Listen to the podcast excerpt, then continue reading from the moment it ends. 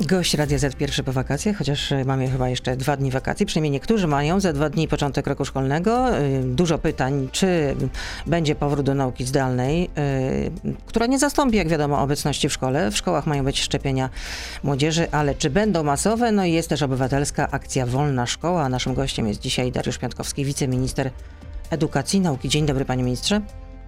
Dzień dobry, witam Państwa. Pan minister jeszcze dzisiaj wyjątkowo na łączeniu z Białego Stoku, ale e, zapewniam naszych e, słuchaczy i słuchaczki, że chcemy rozmawiać z naszymi gośćmi w studiu. Zresztą myślę, że nasz gość też jest e, tego zdania, że lepiej rozmawia się face to face, twarzą w twarz, jak się siedzi naprzeciwko w studiu, prawda? Zdecydowanie tak, kontakt bezpośredni ułatwia no, rozmowę. A pan tęsknił za powrotem do szkoły przed 1 września, kiedy pan był uczniem? Różnie to bywało. E, Generalnie większość dzieciaków chyba woli jednak e, wakacje, ale po jakimś czasie tęskni się do szkoły, tęskni się do rówieśników, e, chciałoby się poznawać nową wiedzę. I z tych ostatnich badań, które były w okresie pandemii robione, wynika, że coraz więcej młodzieży tęskni za szkołą. Między innymi z tych powodów, o których przed chwilą mówiłem. A z czym do prezydenta dzisiaj pójdzie minister Czarnek, minister edukacji? Prezydent zwołał Radę Gabinetową. Słyszeliśmy, że opozycja uważa, że to trochę ciut spóźniona Rada Gabinetowa akurat w tym temacie. No to jak szkoła jest przygotowana na nowy rok? Pan minister w trakcie Rady Gabinetowej opowie o przygotowaniach e, w szkołach do rozpoczęcia nowego roku szkolnego.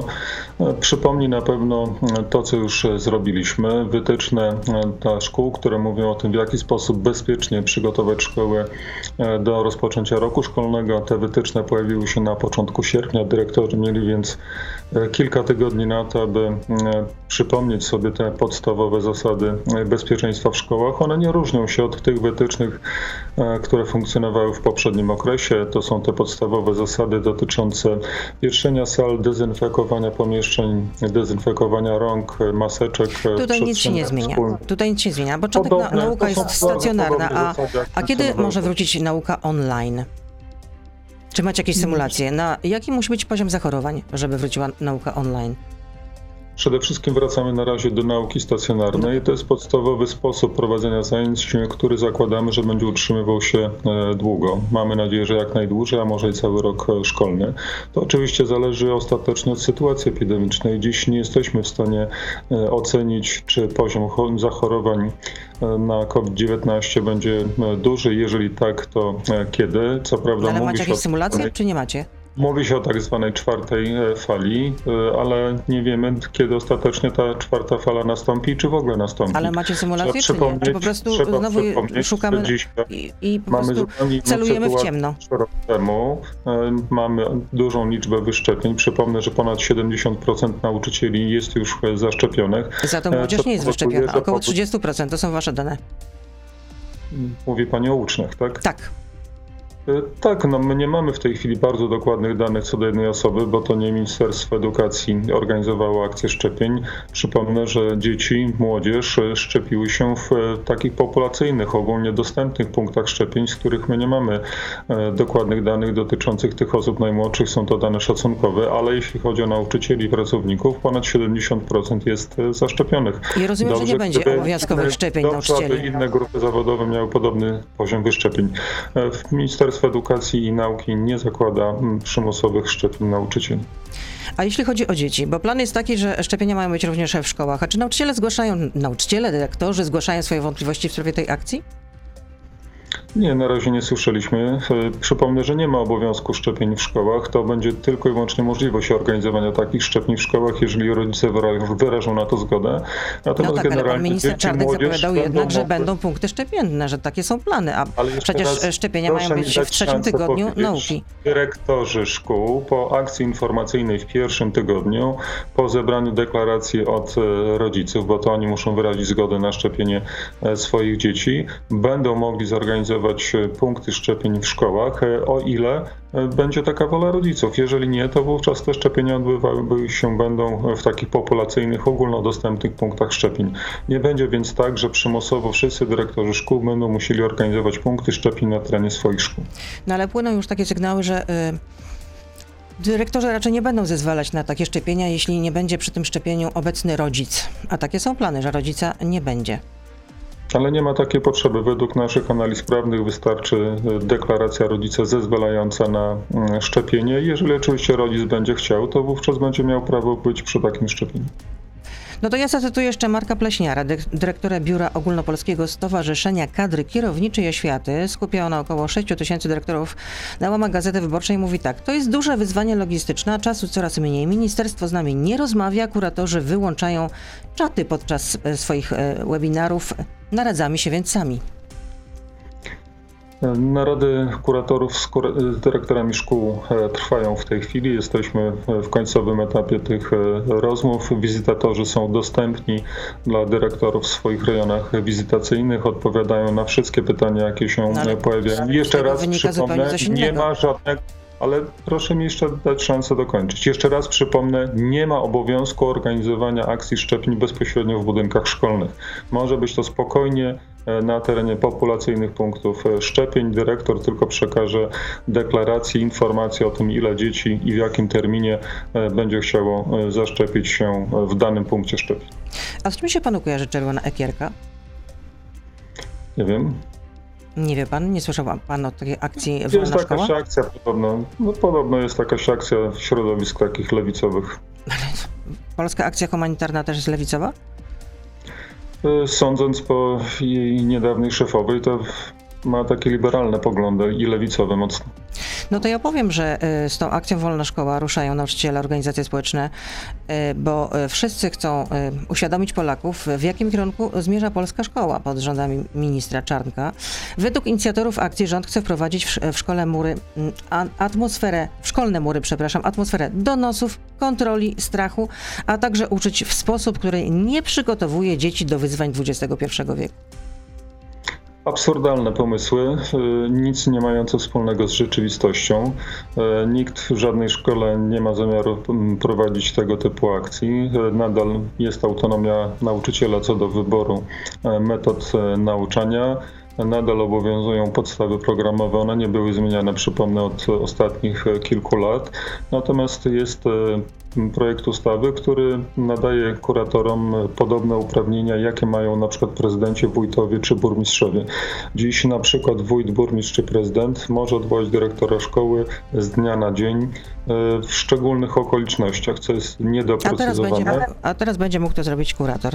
To na razie w tyle. w przypadku, w przypadku, gdy pojawi się jakieś zagrożenie bezpieczeństwa albo dyrektor będzie łamał e, prawo. A od teraz już jesteśmy z naszym gościem, gościem Radia Z, e, Dariuszem Piątkowskim, wiceministrem edukacji edukacji na Radio ZPL na Facebooku. Proszę zostać z nami, Beata Lubecka. Zapraszam. I jako się rzekło, gościem Radia Z, przypomnę, jest Dariusz Piątkowski, wiceminister edukacji i nauki, bo tak się teraz nazywa to ministerstwo. To ja jeszcze y, zacytuję y, to, co napisali inicjatorzy tej akcji.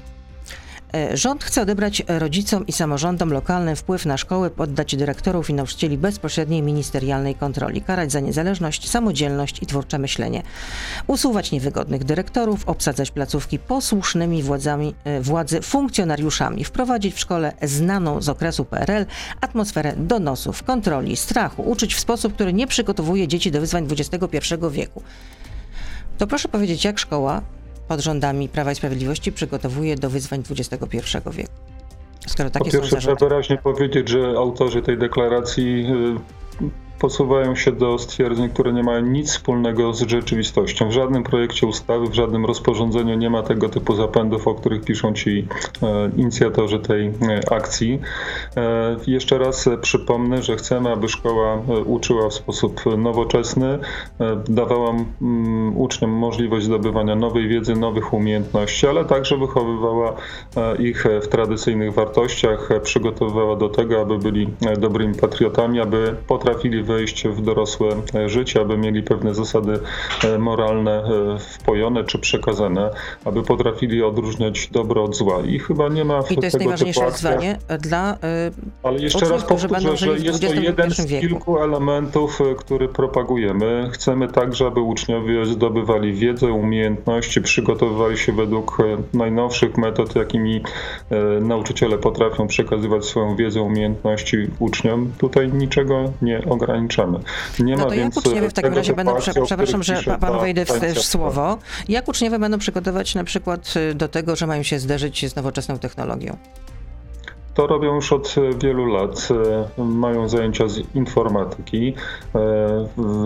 Na innych To przedmiotach ile jest godzin informatyki? Mogą, Bo ja nie wiem. Zwiększyliśmy te godziny informatyki w porównaniu z okresem rządów PO-PSL o kilka godzin. Zmieniliśmy program, dostosowując to do e, współczesnych e, konieczności. Ale ile w E, tygodniu jest godzin informatyki, panie ministrze? Z tego co pamiętam, chyba dwie godziny informatyki, natomiast w całym cyklu To znaczy, że nauczania za- zwiększyliśmy. To Natomiast znaczy, że ale za rządów proszę mi dać PO-PSL szansę, nie było żadne, ale pani nie było w chciałaby, ogóle? żeby każdy uczeń był informatykiem, czy każdy Nie, uczeń ma wybierać te to, że- przedmioty, które chciałby? Zwiększyliśmy w całym cyklu nauczania liczbę godzin informatyki w stosunku do tego, co działo się w okresie rządów PO-PSL. Zmieniliśmy program. Ale to znaczy, e, że na podstawie- na PO-PSL w podstawie- ogóle nie na było- nie było informatyki? Na podstawie wskazań fachowców, którzy wyraźnie wskazywali, że trzeba zmienić podstawy programowe, nie uczyć dzieci chociażby od samego początku e, używania komputera, tableta czy innego urządzenia, bo oni już to potrafią. Raczej trzeba nauczyć ich e, użytkowych e, programów i to się e, dzieje. Także Tutaj się zgodzę, dziś tylko że pan podstawy- powiedział, że podstawy zwiększyliśmy- informatyki w Polsce są zdecydowanie nowocześniejsze niż kilka lat e, temu i są e, na, można powiedzieć, światowym poziomie. Tylko, że pan powiedział, panie ministrze, że zwiększyliśmy o kilka godzin lekcje, e, liczbę lekcji informatyki Tak. niż za czasów e, rządów PO-PSL. To znaczy, a Tak. potem pan powiedział, że są dwie tygodniowo. To znaczy, że w takim razie za rządów PO-PSL w ogóle nie było lekcji informatyki? Dużo wcześniej rozpoczęliśmy naukę e, programowania i informatyki. Wprowadziliśmy elementy programowania, których wcześniej nie było i zwiększyliśmy liczbę godzin, łącznie w całym cyklu nauczania.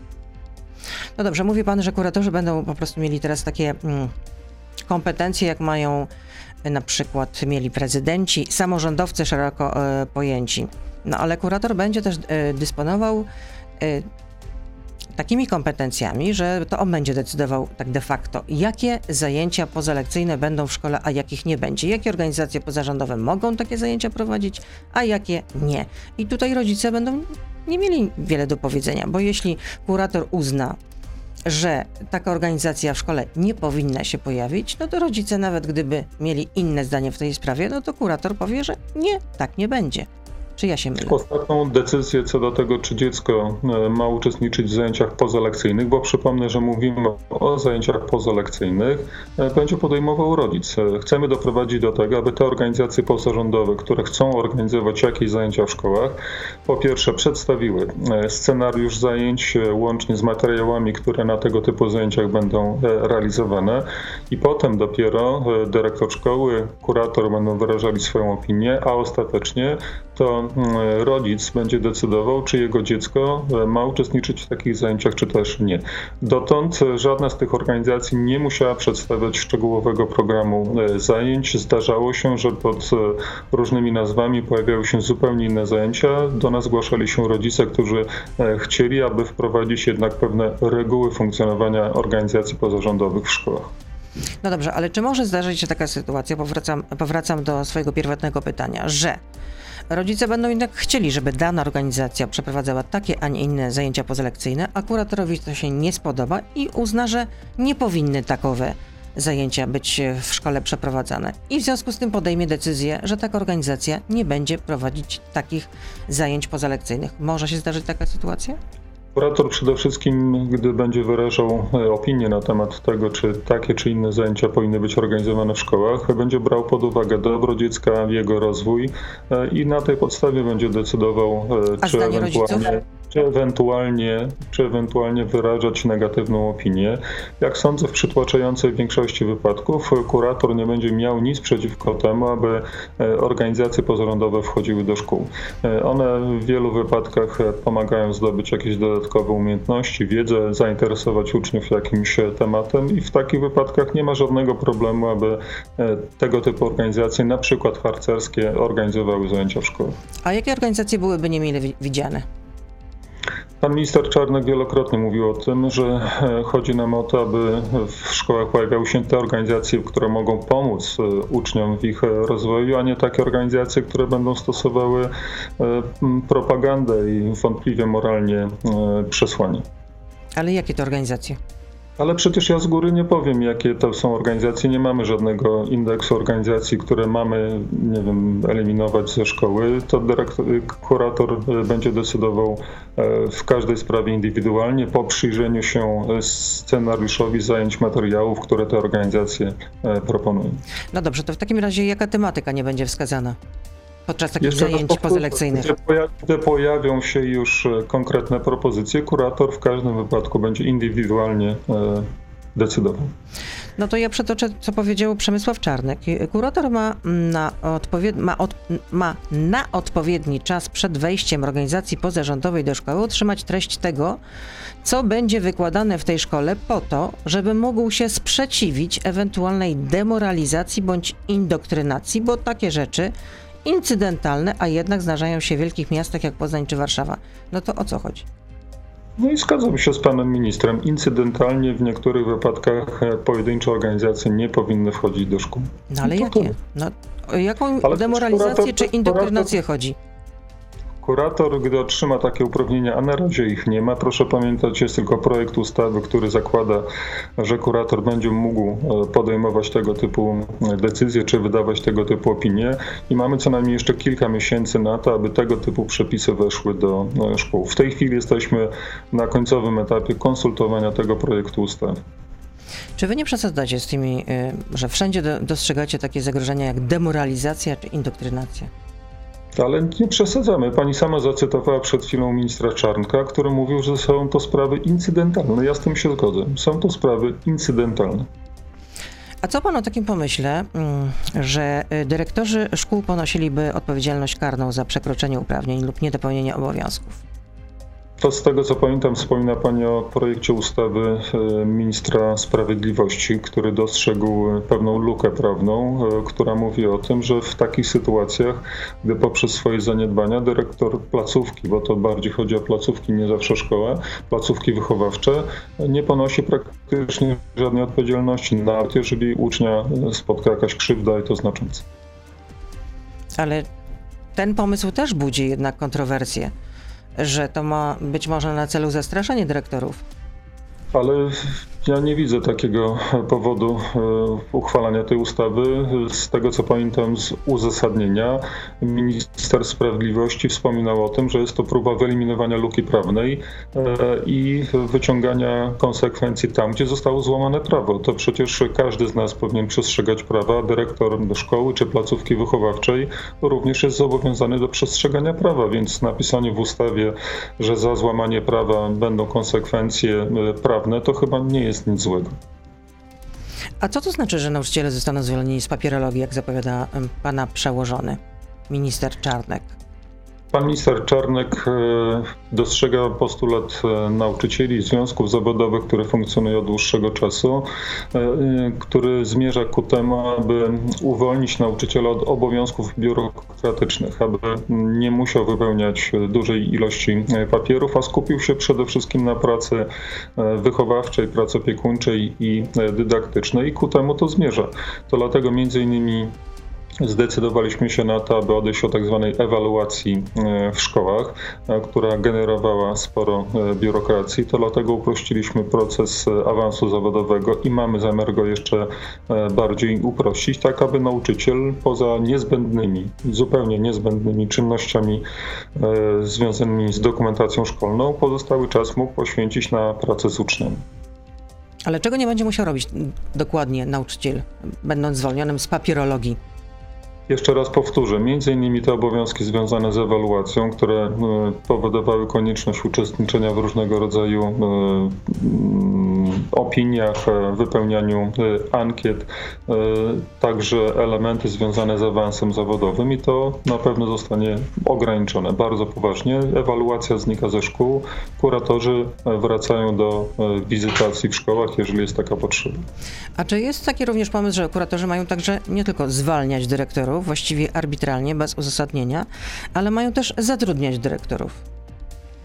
Jeszcze raz powtórzę, nie ma takiego zamiaru, aby e, kurator zwalniał e, dyrektora, tylko miał możliwość interweniowania w sytuacjach nadzwyczajnych, szczególnych, gdy pojawia się dyrektor, który łamie przepisy, sposób jego funkcjonowania może zagrażać bezpieczeństwu. E, nie wiem ile z przypadków, kiedy samorządy, które dzisiaj mają takie uprawnienia, by zwalniać dyrektorów, z tej funkcji korzystają. Jest to kilka, może kilkanaście przypadków w skali chyba całego kraju i podobnie, jak rozumiem, może być ewentualnie w przypadku kuratorów, jeżeli takie uprawnienia otrzymają. E, informowanie więc o tym, że kurator będzie zwalniał każdego dyrektora, nie mają nic wspólnego z rzeczywistością ani z zamiarami tego projektu ustawy, o którym w tej chwili wspominamy. Jest to tylko i wyłącznie chęć dania kuratorowi możliwości interweniowania w sytuacjach nadzwyczajnych. Pan teraz mówi o zwolnieniu, a ja pytam o zatrudnianie dyrektorów, bo takie organ, propozycje organ miał złożyć pan, proszę mi pozwolić dokończyć, pan minister Czarnek miał złożyć takie propozycje Światowej Solidarności, z którą się spotkał, e, że kuratorzy właśnie mają zatrudniać dyrektorów i wypłacać pensje pracownikom oświatowym. Na razie w żadnym projekcie ustawy tego typu założeń nie ma. Mm, nie mówię, organem to są, dlatego to są propozycje. Powiedziałam, że takie propozycje Ale ja rozumiem, ja na razie Czarnek. nie widziałem, na razie nie widziałem żadnego projektu ustawy, w którym tego typu zapisy by się pojawiały. W tej chwili organem zatrudniającym dyrektorów szkół jest organ prowadzący. W przypadku samorządów jest to wójt, burmistrz, prezydent miasta. W przypadku stowarzyszeń, fundacji czy spółek to są władze tych spółek bądź osoby fizyczne. Dobrze, ale czy takie propozycje padły? Nie wiem, nie uczestniczyłem w ostatnim spotkaniu pana ministra Czarnka z, z, Solidarnością. W żadnym projekcie ustawy ja nie widziałem żadnego zapisu, który by w tę stronę szedł. A czy pana zdaniem miałoby to sens? Nie wiem, są różne modele funkcjonowania szkół w Europie. Są takie, w których e, państwo całkowicie odpowiada za e, oświatę, łącznie z zatrudnianiem e, dyrektorów szkół. Są takie, podobnie jak w Polsce, które tę władzę dzielą między samorządy a kuratorów, przedstawicieli państwa. I są takie modele, w których państwo prawie nie ma żadnego wpływu na to, co w szkołach się dzieje. My akurat uważamy, że rząd powinien prowadzić i mieć możliwości prowadzenia polityki oświatowej. E, stąd innymi kompetencje ministra w sprawie podstaw programowych czy kompetencje kontrolne kuratora.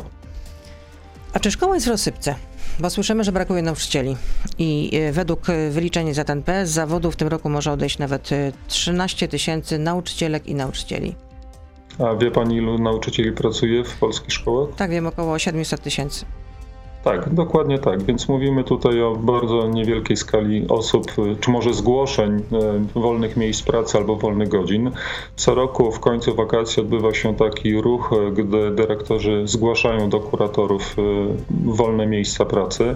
Te 13 tysięcy zgłoszeń nie oznacza, że jest to 13 tysięcy etatów, tylko zgłoszeń. Czasami są to pojedyncze godziny, a czasami poszukuje się nauczyciela na cały etat. Podobna sytuacja ma miejsce od kilku lat. Z tych danych, które mamy, mamy, gdy kuratorzy zaczęli zbierać te informacje, a to jest chyba od 3 lub 4 lat, e, to ten poziom poszukiwań w końcu sierpnia jest podobny jak w tym roku, czyli nieco ponad 10 tysięcy zgłoszeń do kuratorów i zawsze na początku roku szkolnego ta sprawa się normuje.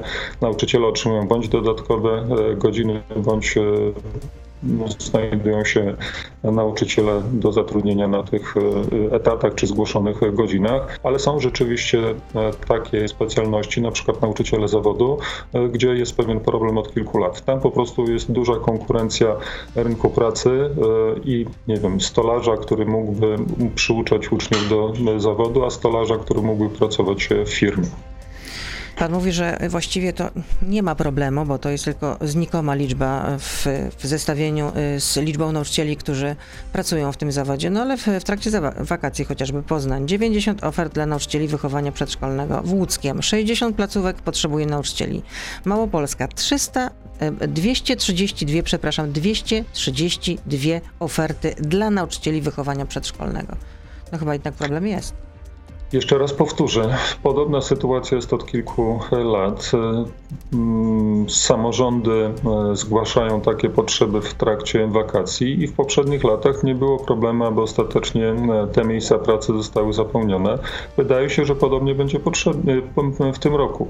Samorządy, poza tym, że zgłaszają mm, chęć zatrudnienia, czy może bardziej dyrektorzy, bo to oni zatrudniają nauczycieli także wychowania przedszkolnego, e, mają możliwość reagowania na sytuację na swoim rynku pracy, chociażby poprzez to, aby zgłosić wyższe stawki dodatków za pracę w szkole. Niektóre pojedyncze samorządy, z tego co wiem, próbują po tego typu środek sięgać. Trzeba pamiętać, że sytuacja na rynku pracowniczym jest zupełnie inna, na przykład w Warszawie, w Poznaniu czy w Wrocławiu albo jakimś innym dużym mieście w Polsce, a zupełnie inna w niewielkiej gminie e, gdzieś na pograniczu województwa i pograniczu kraju. E, stąd samorządy mają możliwość reagowania na jakąś trudniejszą sytuację na swoim rynku pracy e, w szkołach. Mogą zapewnić dodatkowe wynagrodzenie nauczycielom, aby zachęcić ich do przyjścia do tego zawodu. Czyli Pana zdaniem problemu nie ma i szkoła nie jest w rozsypce. Przypomnę, że naszym... Absolutnie nie zgadzam się z, taką, z, takim poglądem. Naszym gościem jest e, Dariusz Piątkowski, wiceminister edukacji. Barbara Nowak, małopolska kurator e, oświaty, ulubienica pana e, ministra Czarnka. Czy zostanie wicemarszałkiem tamtejszego sejmiku? Coś pan słyszał? Nie wiem, nie jestem radnym sejmiku województwa małopolskiego. No, podobno Ryszard Terlecki i jego zaplecze polityczne lobują właśnie za taką kandydaturą Barbary Nowak. Nie wiem, to trzeba pytać samorządowców z Małopolski, czy mają takie e, pomysły. Trudno mi e, na to odpowiedzieć. Na pewno jest to osoba e, jasno wyrażająca swoje poglądy. To prawda, a pod wpisem na Twitterze się pan też jej podpisał, zacytuję, śmierć przez rozstrzelanie młodziutkiej Danuty Siedzikówny to w rzeczywistości triumf polskiej myśli niepodległościowej, wielki sukces edukacji Polaków, także tych niepełnoletnich. Nie wiem, co pani e, Nowak miała na myśli w takim wpisie, natomiast na pewno Inka jest e, postacią godną mm, polecenia w trakcie polskiej edukacji. Sam uczestniczyłem e, w ostatnią sobotę w kilku uroczystościach związanych z Inką i chcemy, aby ta postać była propagowana wśród polskiej młodzieży jako przykład osoby, która potrafiła zachować się jak trzeba, jak sama to określiła e, w, ostatnim grypsie przekazanym swojej babci, e, osoba, która oddała życie za e, wolną Polskę. Stąd nie widzę żadnego problemu, aby wspominać tę postać, aby ją ale, propagować. Ale ja nie o to pytałam, absolutnie tego w żaden sposób nie kwestionuję. No, tam jest wyraźnie sformułowane, że polska myśl niepodległościowa miała być sukcesem Mm, edukacji e, Polaków, a tym sukcesem miała być śmierć przez rozstrzelanie.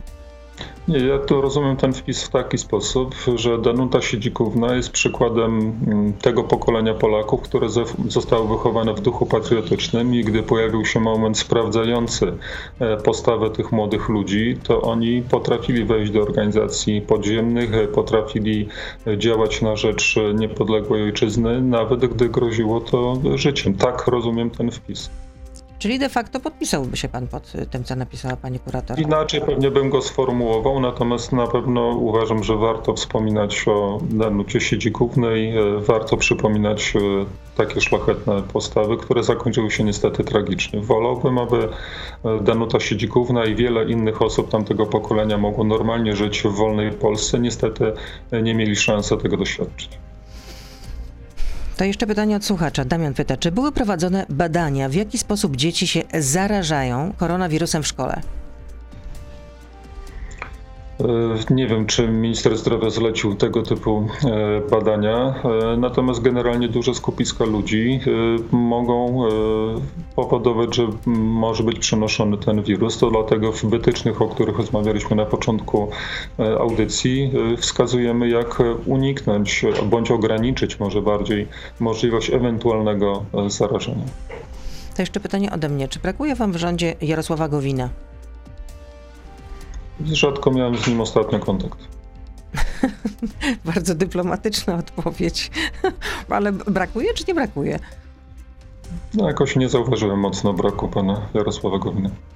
A jest traktowany... Ostatnio mam wrażenie był mniej aktywny. Ministerstwo, e, które miało przygotować e, część ustaw związanych z Polskim Ładem, mam wrażenie było mniej aktywny. A teraz jest traktowany w obozie Prawa i Sprawiedliwości jak trendowaty? Na pewno nie wzbudza wielkiego, e, wielkiej sympatii. Bo on sam tak o sobie mówi, że dla obozu PiSu stał się osobą trendowatą, tak powiedział w rozmowie z Gazetą Wyborczą.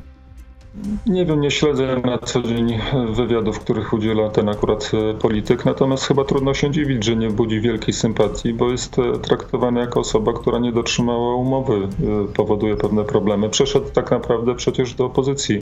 Przez część przynajmniej, przynajmniej naszych wyborców jest traktowany po prostu jak zdrajca. No ale powiedział w tym wywiadzie, że e, program Zjednoczonej Prawicy z 2015 roku był programem zachodnioeuropejskiej chadecji. Z czasem dochodziły do głosu marzenia Jarosława Kaczyńskiego, by przeprowadzić populistyczną rewolucję. Zamiast trzymać się tamtego kursu, lawinowo zaczęła narastać pogarda dla reguł demokracji. Przykładem są wybory kopertowe czy Lex TVN.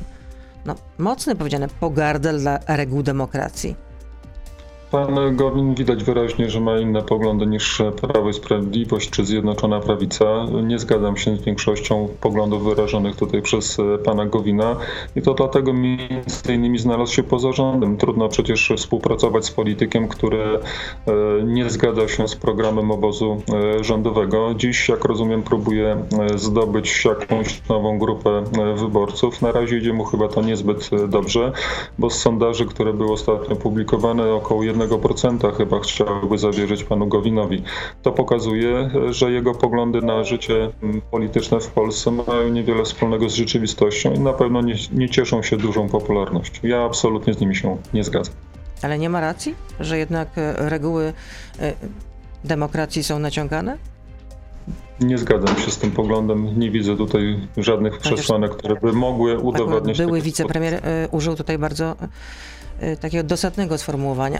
No, ale był wicepremier zachowuje się trochę jak neofita, który próbuje zyskać sympatię drugiej strony sceny politycznej także radykalnymi wypowiedziami. Chociaż Może przejrzał na oczy. A może po prostu jest koniunkturalistą, który próbuje e, zdobyć zaufanie opozycji i części elektoratu, który dotąd na Zjednoczoną Prawicę nie głosował. Jak na razie widać idzie mu niezbyt dobrze. Te sondaże, o których wspomniałem, ułamek procenta poparcia pokazują, że z takimi poglądami większość Polaków się nie zgadza. A kiedy dojdzie do rekonstrukcji rządu? Coś pan słyszał? To trzeba pytać pana premiera, władze partii, bo to one ostatecznie zdecydują, czy, w, czy w ogóle jakakolwiek rekonstrukcja, czy jakakolwiek rekonstrukcja będzie. Ale naprawdę pan nic nie słyszał zupełnie? No to, że dziennikarze piszą o różnych rzeczach, to nie znaczy, że trzeba powiedzieć, że coś się słyszało. To ostateczne decyzje władze partii i premier będą podejmowały. No nie ale... wiem, czy jakakolwiek rekonstrukcja będzie. Trzeba pytać o to pana premiera i władze partii. No ale to wydaje się logiczne, skoro nastąpiła dekonstrukcja obozu władzy właśnie przez to, że wicepremiera Gowina nie ma w rządzie i... No ale te przecież minimalne zmiany, które się w związku z tym dokonują się już albo dokonały. Większość wiceministrów, która współpracowała z Gowinem, opuściła jego, szereg jego partii.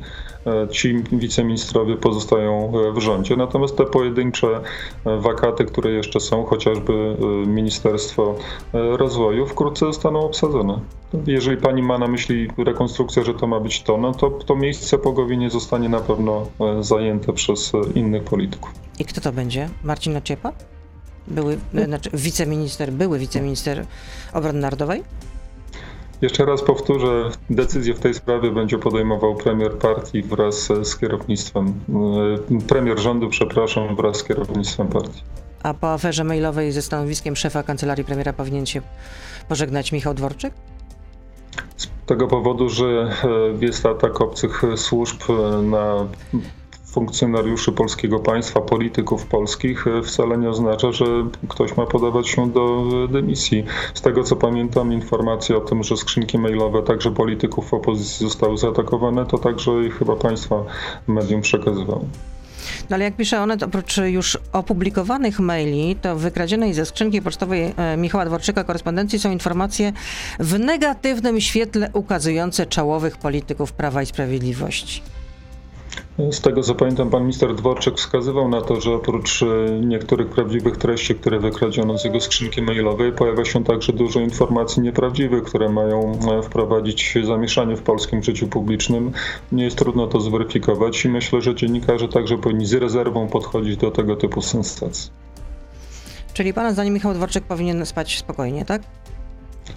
Nie widzę powodu. Akcja szczepień, którą on nadzorował, jest przeprowadzona e, sprawnie, a to, że zostały wykradzione maile z jego skrzynki, to tylko nauczka dla nas wszystkich, abyśmy próbowali te skrzynki maksymalnie zabezpieczać. A to, że było to, to takie wielkie zamieszanie, kiedy pan minister uwolnił e, szczepienia dla osób 40, plus, tak pod osłoną nocy. Ja nie zauważyłem jakiegoś większego zamieszania ze szczepionkami. Na razie, na razie, na razie ten. Szczepień, na razie ten proces szczepień przebiega e, sprawnie. Uważam, że służby państwowe dobrze się z tego wywiązują. Mamy w tej chwili problem z tym, aby zachęcić jeszcze tych, którzy nie poddali się szczepieniom, aby zechcieli to zrobić. To jest w naszym wspólnym interesie i wspólnie powinniśmy o to zabiegać. No to e, w takim razie na jaki odzew liczycie w szkołach? Że y, jaki procent y, młodych ludzi po 12 roku życia się zaszczepi? Bo tak jak mówię, no, jeśli chodzi o te szczepienia, które by odbywały się w punktach szczepień, no to tutaj szału nie ma, jeśli chodzi o, o młodzież. No ale to proszę pamiętać, że jest to decyzja rodziców, a nie rządu. My możemy przedstawiać zalety e, masowych e, szczepień, pokazać jak może wpłynąć to na nasze e, wspólne bezpieczeństwo i zachęcać rodziców do tego, aby pozwolili na to, wyrazili zgodę na to, aby ich dzieci zostały zaszczepione. To temu służy akcja informacyjna, która już za chwilę rozpocznie się w szkołach. Przekazaliśmy materiały edukacyjne pokazujące czym są szczepienia, dlaczego przynoszą pozytywne efekty, jaką rolę mogą mogą odegrać w ograniczeniu epidemii COVID-19 i mamy nadzieję, że ta akcja w szkołach plus e, ta akcja, która dzieje się w przestrzeni publicznej doprowadzą do tego, e, że większość rodziców e, wyrazi zgodę na to, aby ich dzieci zostały zaszczepione. No na razie entuzjazmu tutaj nie ma, tak można powiedzieć. Dariusz Piątkowski, wiceminister. No, mam nadzieję, że Państwo także nam w tym pomogą, aby ten entuzjazm był większy. Dariusz Piątkowski, wiceminister edukacji Prawo i Sprawiedliwość był z nami. Tym razem na łączeniu. Na, następnym razem mam nadzieję, że już będziemy się widzieć face to face, twarzą w twarz tutaj w studiu. Dziękuję, dobrego dnia, życzę, do usłyszenia, do zobaczenia, kłaniam się. Dziękuję, pozdrawiam. To był gość Radia Z. Słuchaj codziennie w Radio Z i na player radioz.pl.